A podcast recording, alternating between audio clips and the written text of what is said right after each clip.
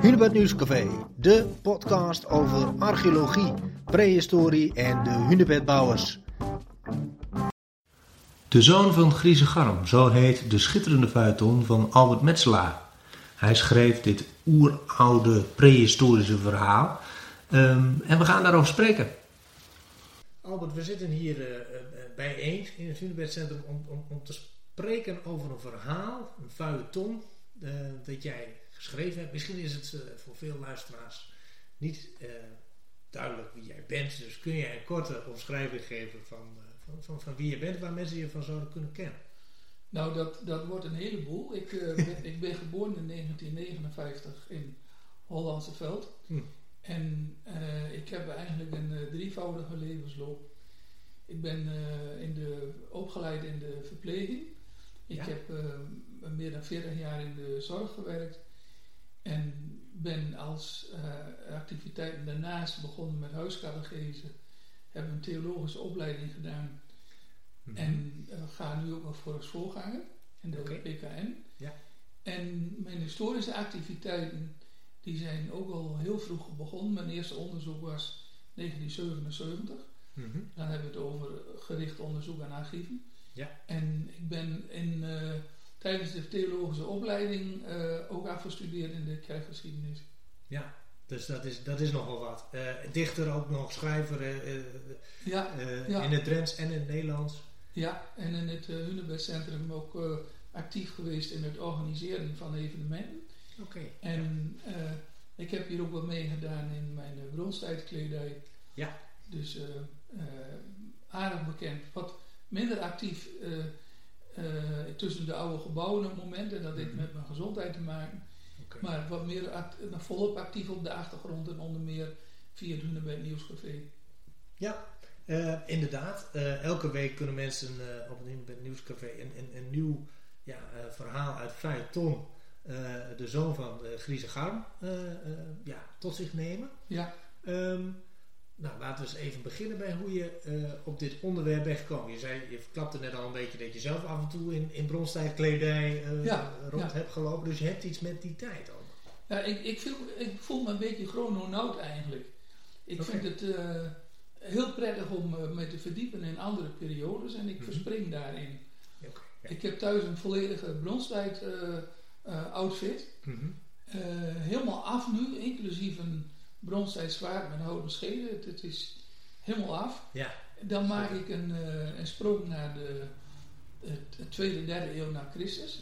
Mm -hmm. De outfit van Eber, de ja. hoofdrolspeler uit het vuurton, is ook helemaal af. Daar kan ik een uh, boer neerzetten van rond 1227. Dan gaan we de slag uh, bij Ana naspelen. Kijk eens aan. Uh, eh, 17e eeuw, twee rollen.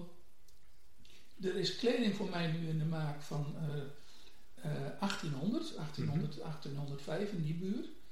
En ik doe ook wel activiteiten dan als lid van het verzet. Net boven gronds gekomen in april 45. Oké. Okay. Bij de bevrijding van de Drenthe. Dus in alle tijden voel jij je thuis? Misschien nog meer dan in de tegenwoordige tijd? Ik voel me in deze tijd ook thuis, maar ik vond het me vooral interesseert, eh, denk ik, is een grote lijn mensen.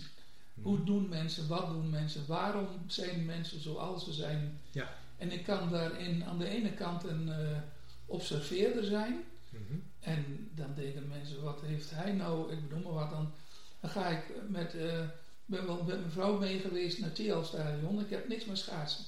Okay. Maar ik ben wel weer geïnteresseerd in wat er gewoon omheen gebeurt. Ja. Mm -hmm. Dus ik ben geïnteresseerd in mensen. Ja. Ik hou ook niet van voetbal, maar ik volg Nederland bij het EK wel. Van wat doet dat weer met mensen? Ja, ja, exact. Mooi. Uh, uh, dat heeft misschien ook te maken met jouw, jouw uh, eerste deel in, in, in in jouw drieluik uh, van, van het leven, om het zo te zeggen. Uh, ja. het observeren van mensen, van, van, van, wat beweegt mensen, hoe denken mensen en hoe, hoe denken tot beslissingen. Ja. Hoe kom je tot beslissingen en hoe, wat in het, in het eerste deel ook heel sterk op de voorgrond staat, mm -hmm. dat is hoe veranderen mensen en wat beïnvloedt hun. Ja. En wat gebeurt er op dat moment dat je als mens gezet wordt in een situatie waarin je je gezamenlijke kaders niet meer gelijk zijn. Ja, ik denk dat heel veel mensen zich zullen afvragen van hoe kun je je nu verplaatsen in mensen die zo lang geleden hebben geleefd? Ja, ja dat is een hele goede vraag. Mhm. En wat, wat het, hoe het bij mij gegroeid is, gewoon van begin en aan het begin. Ik was een jaar of 16, 17 en ik vond een informatie over dat op Rijkshoogte. Mm In het boek komt het terug als de ruige hoogte en het is wat veralgemeniseerd. Mhm. Dus het kan overal in Drenthe wezen. Maar bij de Rijkshoogte, daar was een, de sporen gevonden van een hoeve. En dat was op de rand van het veen, bijna in het veengebied. En dan begin je te fantaseren, wat zal daar nou geweest zijn?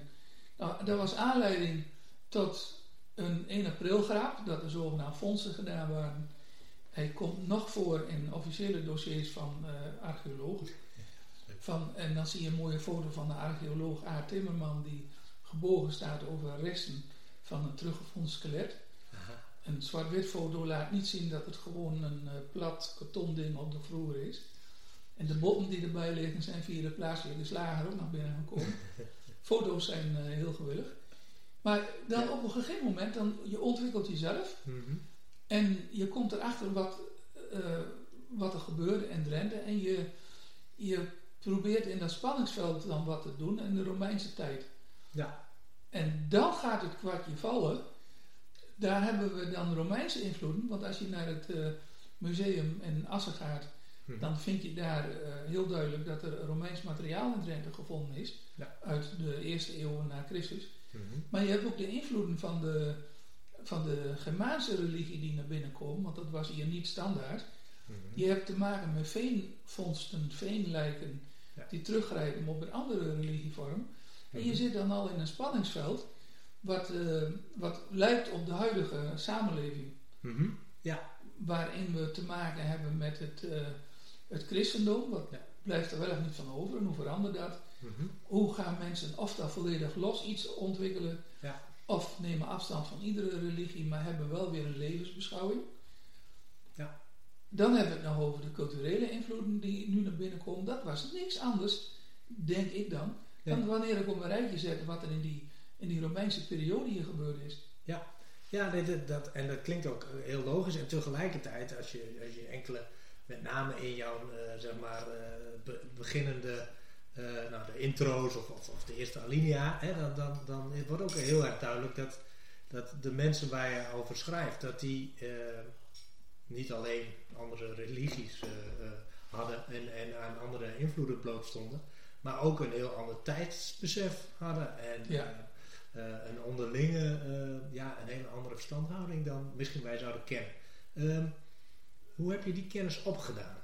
Dat is gewoon heel veel lezen. Mhm. Heel veel lezen. En dan op een gegeven moment proberen een vertaalslag te maken naar, uh, naar het individu. Mhm. Want uh, uh, op dat moment dat je dus te, te maken hebt met een, een, een, een, een vroeg-middeleeuwse of middeleeuwse Drentse samenleving waarin de markten zich ontwikkelden, ja. dan was er een voorvorm. Mm Daar worden dan ideeën over geopperd. Ja. Nou, die laat ik gewoon bestaan. Mm dus, uh, en in die voorvorm, en dan hebben we het over dus kleinere gehuchten of vrijstaande hoeves. Ja.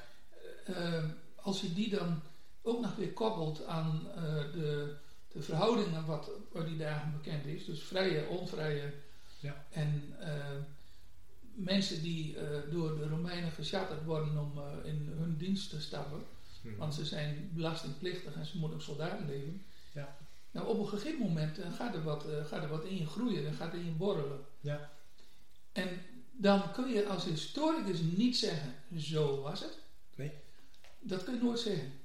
Mm -hmm. Je kunt uh, als archeoloog alleen maar de, de losse stukken aangeven. En ja. je kunt het koppelen aan wat het bekend is. En dan kun je als romanschrijver nog net die volgende stap nemen. Dat mm -hmm. heb mhm. ik gedaan. Ja. Ja. En ik kan me voorstellen dat je hem ook anders kunt nemen moeten mensen vooral doen. Mhm. Maar wat er dus in mij op, op begon te borrelen, ja. in mijn verplaatsing in die tijd, dat heb ik uitgewerkt. Ja, ja precies. En dan kruip je in de huid van, die, van, van de, natuurlijk Eber en, en alle familieleden daaromheen. Ja. Um, hoe kom je dan tot het, tot het plot? Of tot de ontwikkeling in, Ik heb geen idee. Nee. Ik heb geen idee. Je moet je, moet je voorstellen, uh, ik ben hier uh, met het eerste deel uh, bezig geweest. Nou, na, los van die aprilgrap, ik begon, mm. begon feitelijk te schrijven. Mm. Toen, toen ik getrouwd was en je zit met je kinderen op een strandje, ze speelden daar. Nee. Ik hou niet van de zon. ik krijg er allerlei uitslag van, dan weet ik veel wat allemaal. Ja. En wat doe je dan? Je neemt gewoon velle papier mee en je begint lekker te schrijven. Ja. Je laat het in je opborrelen. Mm -hmm. En op een gegeven moment, en dat, dat hoor ik van meer schrijvers, een verhaal schrijft zichzelf. Ja. Dus er gebeurt iets. Mm -hmm. Mensen gaan leven, mensen doen iets. Uh, is dat inspiratie, is dat fantasie? Wordt het je ingegeven? Zeg het maar, maakt me niet uit. Nee. Het gebeurt. Ja. Ja. Dan lees je dat nog eens een keer weer door. En op een gegeven moment dan kom je erachter dat er uh, dingen in niet kloppen. En, en, wat in het begin gebeurt met een, moet niet tegenstrijdig zijn met wat verderop gebeurt. Nee, nee. Dat leg je opzij en op een gegeven moment valt een kwartje. Ja, ja. Dus je laat het zichzelf weer schrijven. Ja, exact. Maar als, wat er dan bij is, als je verschillende karakters begint uit te werken, ja. en dan heb je Eber als de twijfelaar, want dat is voor mij vooral de twijfelaar. Mm-hmm. uh, je hebt een, een Maante als de, de, eigenlijk de, de, de Gemaan die door de, zoals wij het de Gemaanse religie kennen, ja. beïnvloed mm-hmm. is. Ja, je hebt een, een, alles voor Walhalla. Hè? Alles voor Walhalla. Ja. Je hebt een Rana, een uh, oude dame die dan heel erg in de oude leer zit. En omdat ze van een vrije boer afkomstig is, mag ze, ook, uh, uh, mag ze daar ook wat doen in de gemeenschap. Eigenlijk heeft ze al een soort vrouwelijke druïdenfunctie. Ja. Nou, als je, die, als je die personen inleeft, en je maakt dus ook de lopende sprong naar al die personen, ja. dan gebeurt er iets in de interactie. Ja, ja dat, precies. Ja. Dat leg je weer van je af. Mm -hmm. En de volgende keer pak je het weer op en dan is net als je het weet wat er gebeurd is. Ja, ja. Okay. Het schrijft zichzelf. Ja, ja. Door de verhoudingen, door de karakters die je hebt gemaakt, ja. is het eigenlijk logisch dat ze bepaalde keuzes maken en bepaalde interactie hebben tussen elkaar. Ja, en die, en die karakters die, uh, die zijn geboren uit wat je leest over het Drenthe en over de tegenstrijdigheid erin. Mm -hmm. En meestal uh, wordt die, uh, die tegenstrijdigheid niet uitgewerkt, maar als je dus, als je domweg de, de, de dingen los van elkaar zet, er waren ook veteranen die terugkwamen, niet iedereen sneuvelde. Nee. Dan zie je bijvoorbeeld bij Wijster, vind je graven terug van onder meer zo'n veteraan, de hoofdman van Wijster. -hmm. Het bewijs dat mensen terugkwamen met Romeinse invloeden. Ja. Je, je hebt de, de functies die bekend zijn. Nou, Mhm.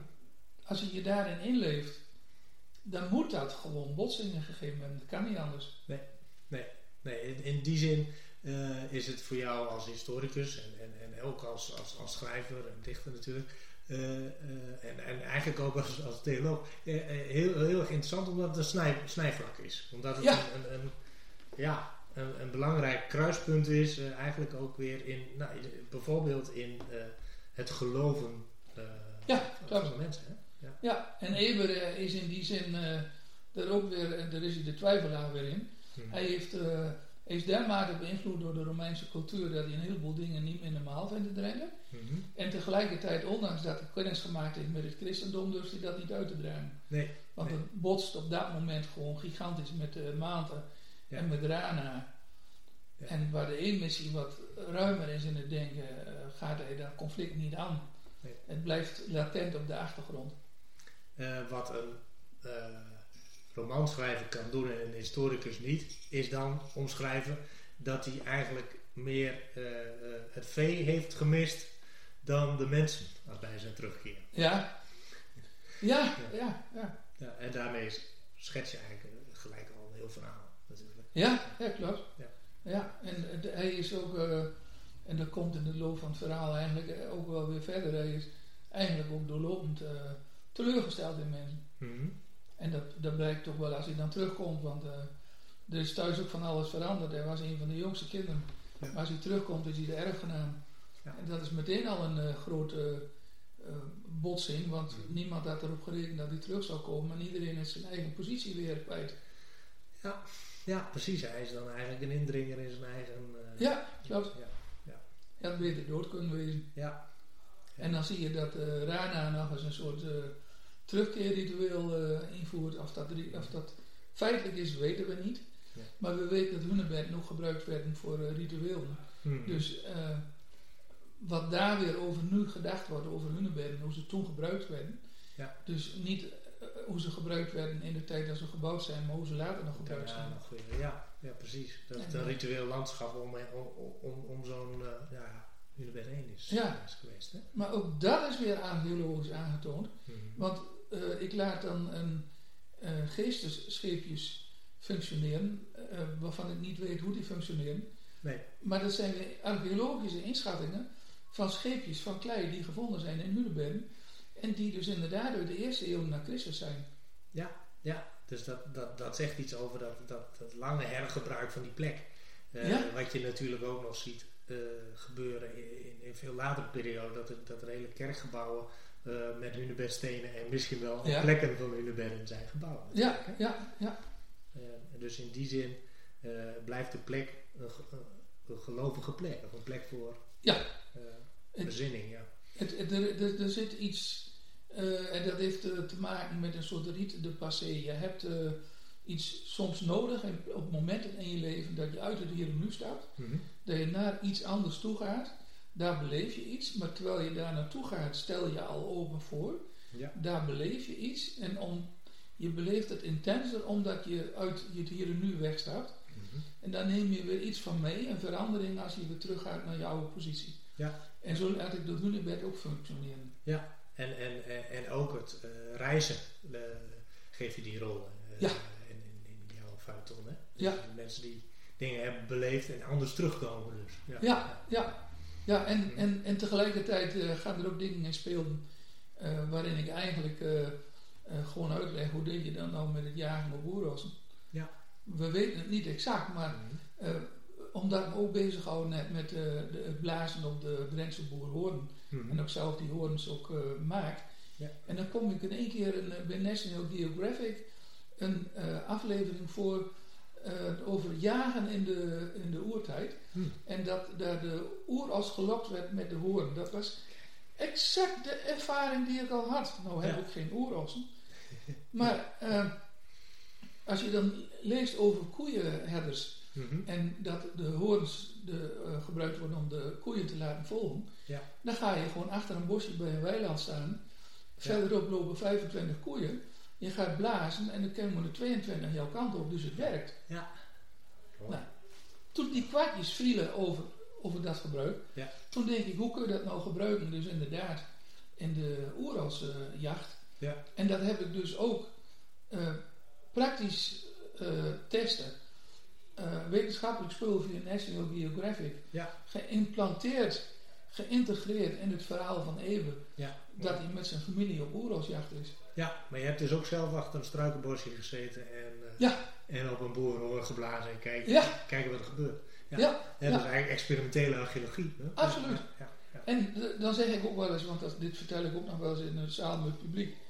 Eh, die 23 die kwamen, die, eh, daar waren nieuwsgierig en die anderen die dachten, oh, hij Albert weer, die heeft dat al vaker geflikt. ja, Ja, mooi. mooi. Ja, nu is deze feuilleton afgerond. Eh, eh, maar dat is niet het einde. Liet jij Nee. duidelijk al weten in de correspondentie. eh, Ja. Want jij gaat verder. nou, eigenlijk is op het eind van, van deel 1 is, is, is Eber een beetje in het reinen gekomen met zijn familie. En dan, Mhm. en dan reizen ze nog eens af en dan sluit hij ook het, het verleden af. Want wat daar was, dat is niet meer zo bekend en daar hoort hij ook al niet meer bij. Eigenlijk is dat wat iedereen overkomt die van de ene cultuur naar de andere overgaat. Waar Ja. je weggaat, verandert het. Ja. Waar je bent, ben je misschien niet helemaal thuis en je hangt er een beetje tussenin. Mhm. Nou, wat dan gebeurt in het eh, tweede deel, dat is dat de, de botsingen van culturen heel feitelijk gaan worden. Mhm. Want eh, ik ga daar al een beetje spelen met wat we ook bekennen uit de eerste eeuwen. En dat is verplaatsing van stammen. Trekken van groepen. Migratie. Ja. Migratie. Mhm. Binnentrekken van eh, ja, volk op strooptocht. Of Mhm. is het alleen om te handelen of te wonen? En eh, deel 2, eigenlijk is het, eh, het, het, het zullen drie delen worden. En eigenlijk gaat het vooral om de chronieken van het oude diep. Oh ja. En een oud diep kan ieder riviertje wezen wat er al langer ligt. Ja, dat Vandaar dat het veralgemeniseerd is. Mhm. Maar deel 2 handelt vooral over de slag om de ruige hoogte. Oké, ja. Toch de plek weer die eh, Ja. een centrale rol speelt in, in jouw leven ook dus, toch? Ja, in, in dat denken wel, maar inmiddels de ruige hoogte kan ook overal wezen. Ja, ja, tuurlijk. Want Ja. omdat het Drentse plateau aan alle kanten omgeven was met eh, veen, Ja. had je overal weer zandkoppen in dat veen, van waaruit je verder kon trekken. En ik laat dan een, eh, een, eh, in ieder geval een groep mensen vanuit het eh, oosten binnenkomen. En wat gebeurt er dan onder de druk in die Drentse gemeenschap? Mhm. Hoe wordt eh, Eber op dat moment eh, toch als veteraan, als een soort geroepene leider van een, een, een verzetsbeweging die de weerstand moet organiseren en die ook de zaak weet. En tegelijkertijd, hoe gaan mensen mee met de vijand? Of ze Mhm. denken zelf er het beste ook van te weten. Ja. En eh, is die samenleving gewoon verdeeld. Ja, mooi. En dat wordt hard om hard, want dan wordt in de twijfelende eeuwen ook de, de oude eh, gewetenloze veteraan weer wakker. Mhm. Oké, klinkt spannend. Ja, Eh, dit klinkt spannend. Heb jij al een titel? Het wordt waarschijnlijk deel 2 dus van de chronieken van de Oude Diep en, dan de- iets van de slag om de ruige hoogte. Oké, oké. Nou, Want het zal van begin tot eind zal Ja. het effect daarvan doorblijven. Kijk aan. Ja. Het belooft een, een spannende feuilleton te worden. Ja, maar je zult er nog wel even op moeten wachten. Want? Eh, kijk, we kunnen het in de zomer erop zetten. Ja. Maar we gaan met mensen binden in de, als het slecht weer weer komt. Ja, zo is het ook. Ja. We gaan pas, eh, eh, nou, wat zullen we doen? In september eens een keer... Eind september, begin- Eind september? Ja, perfect. En dan...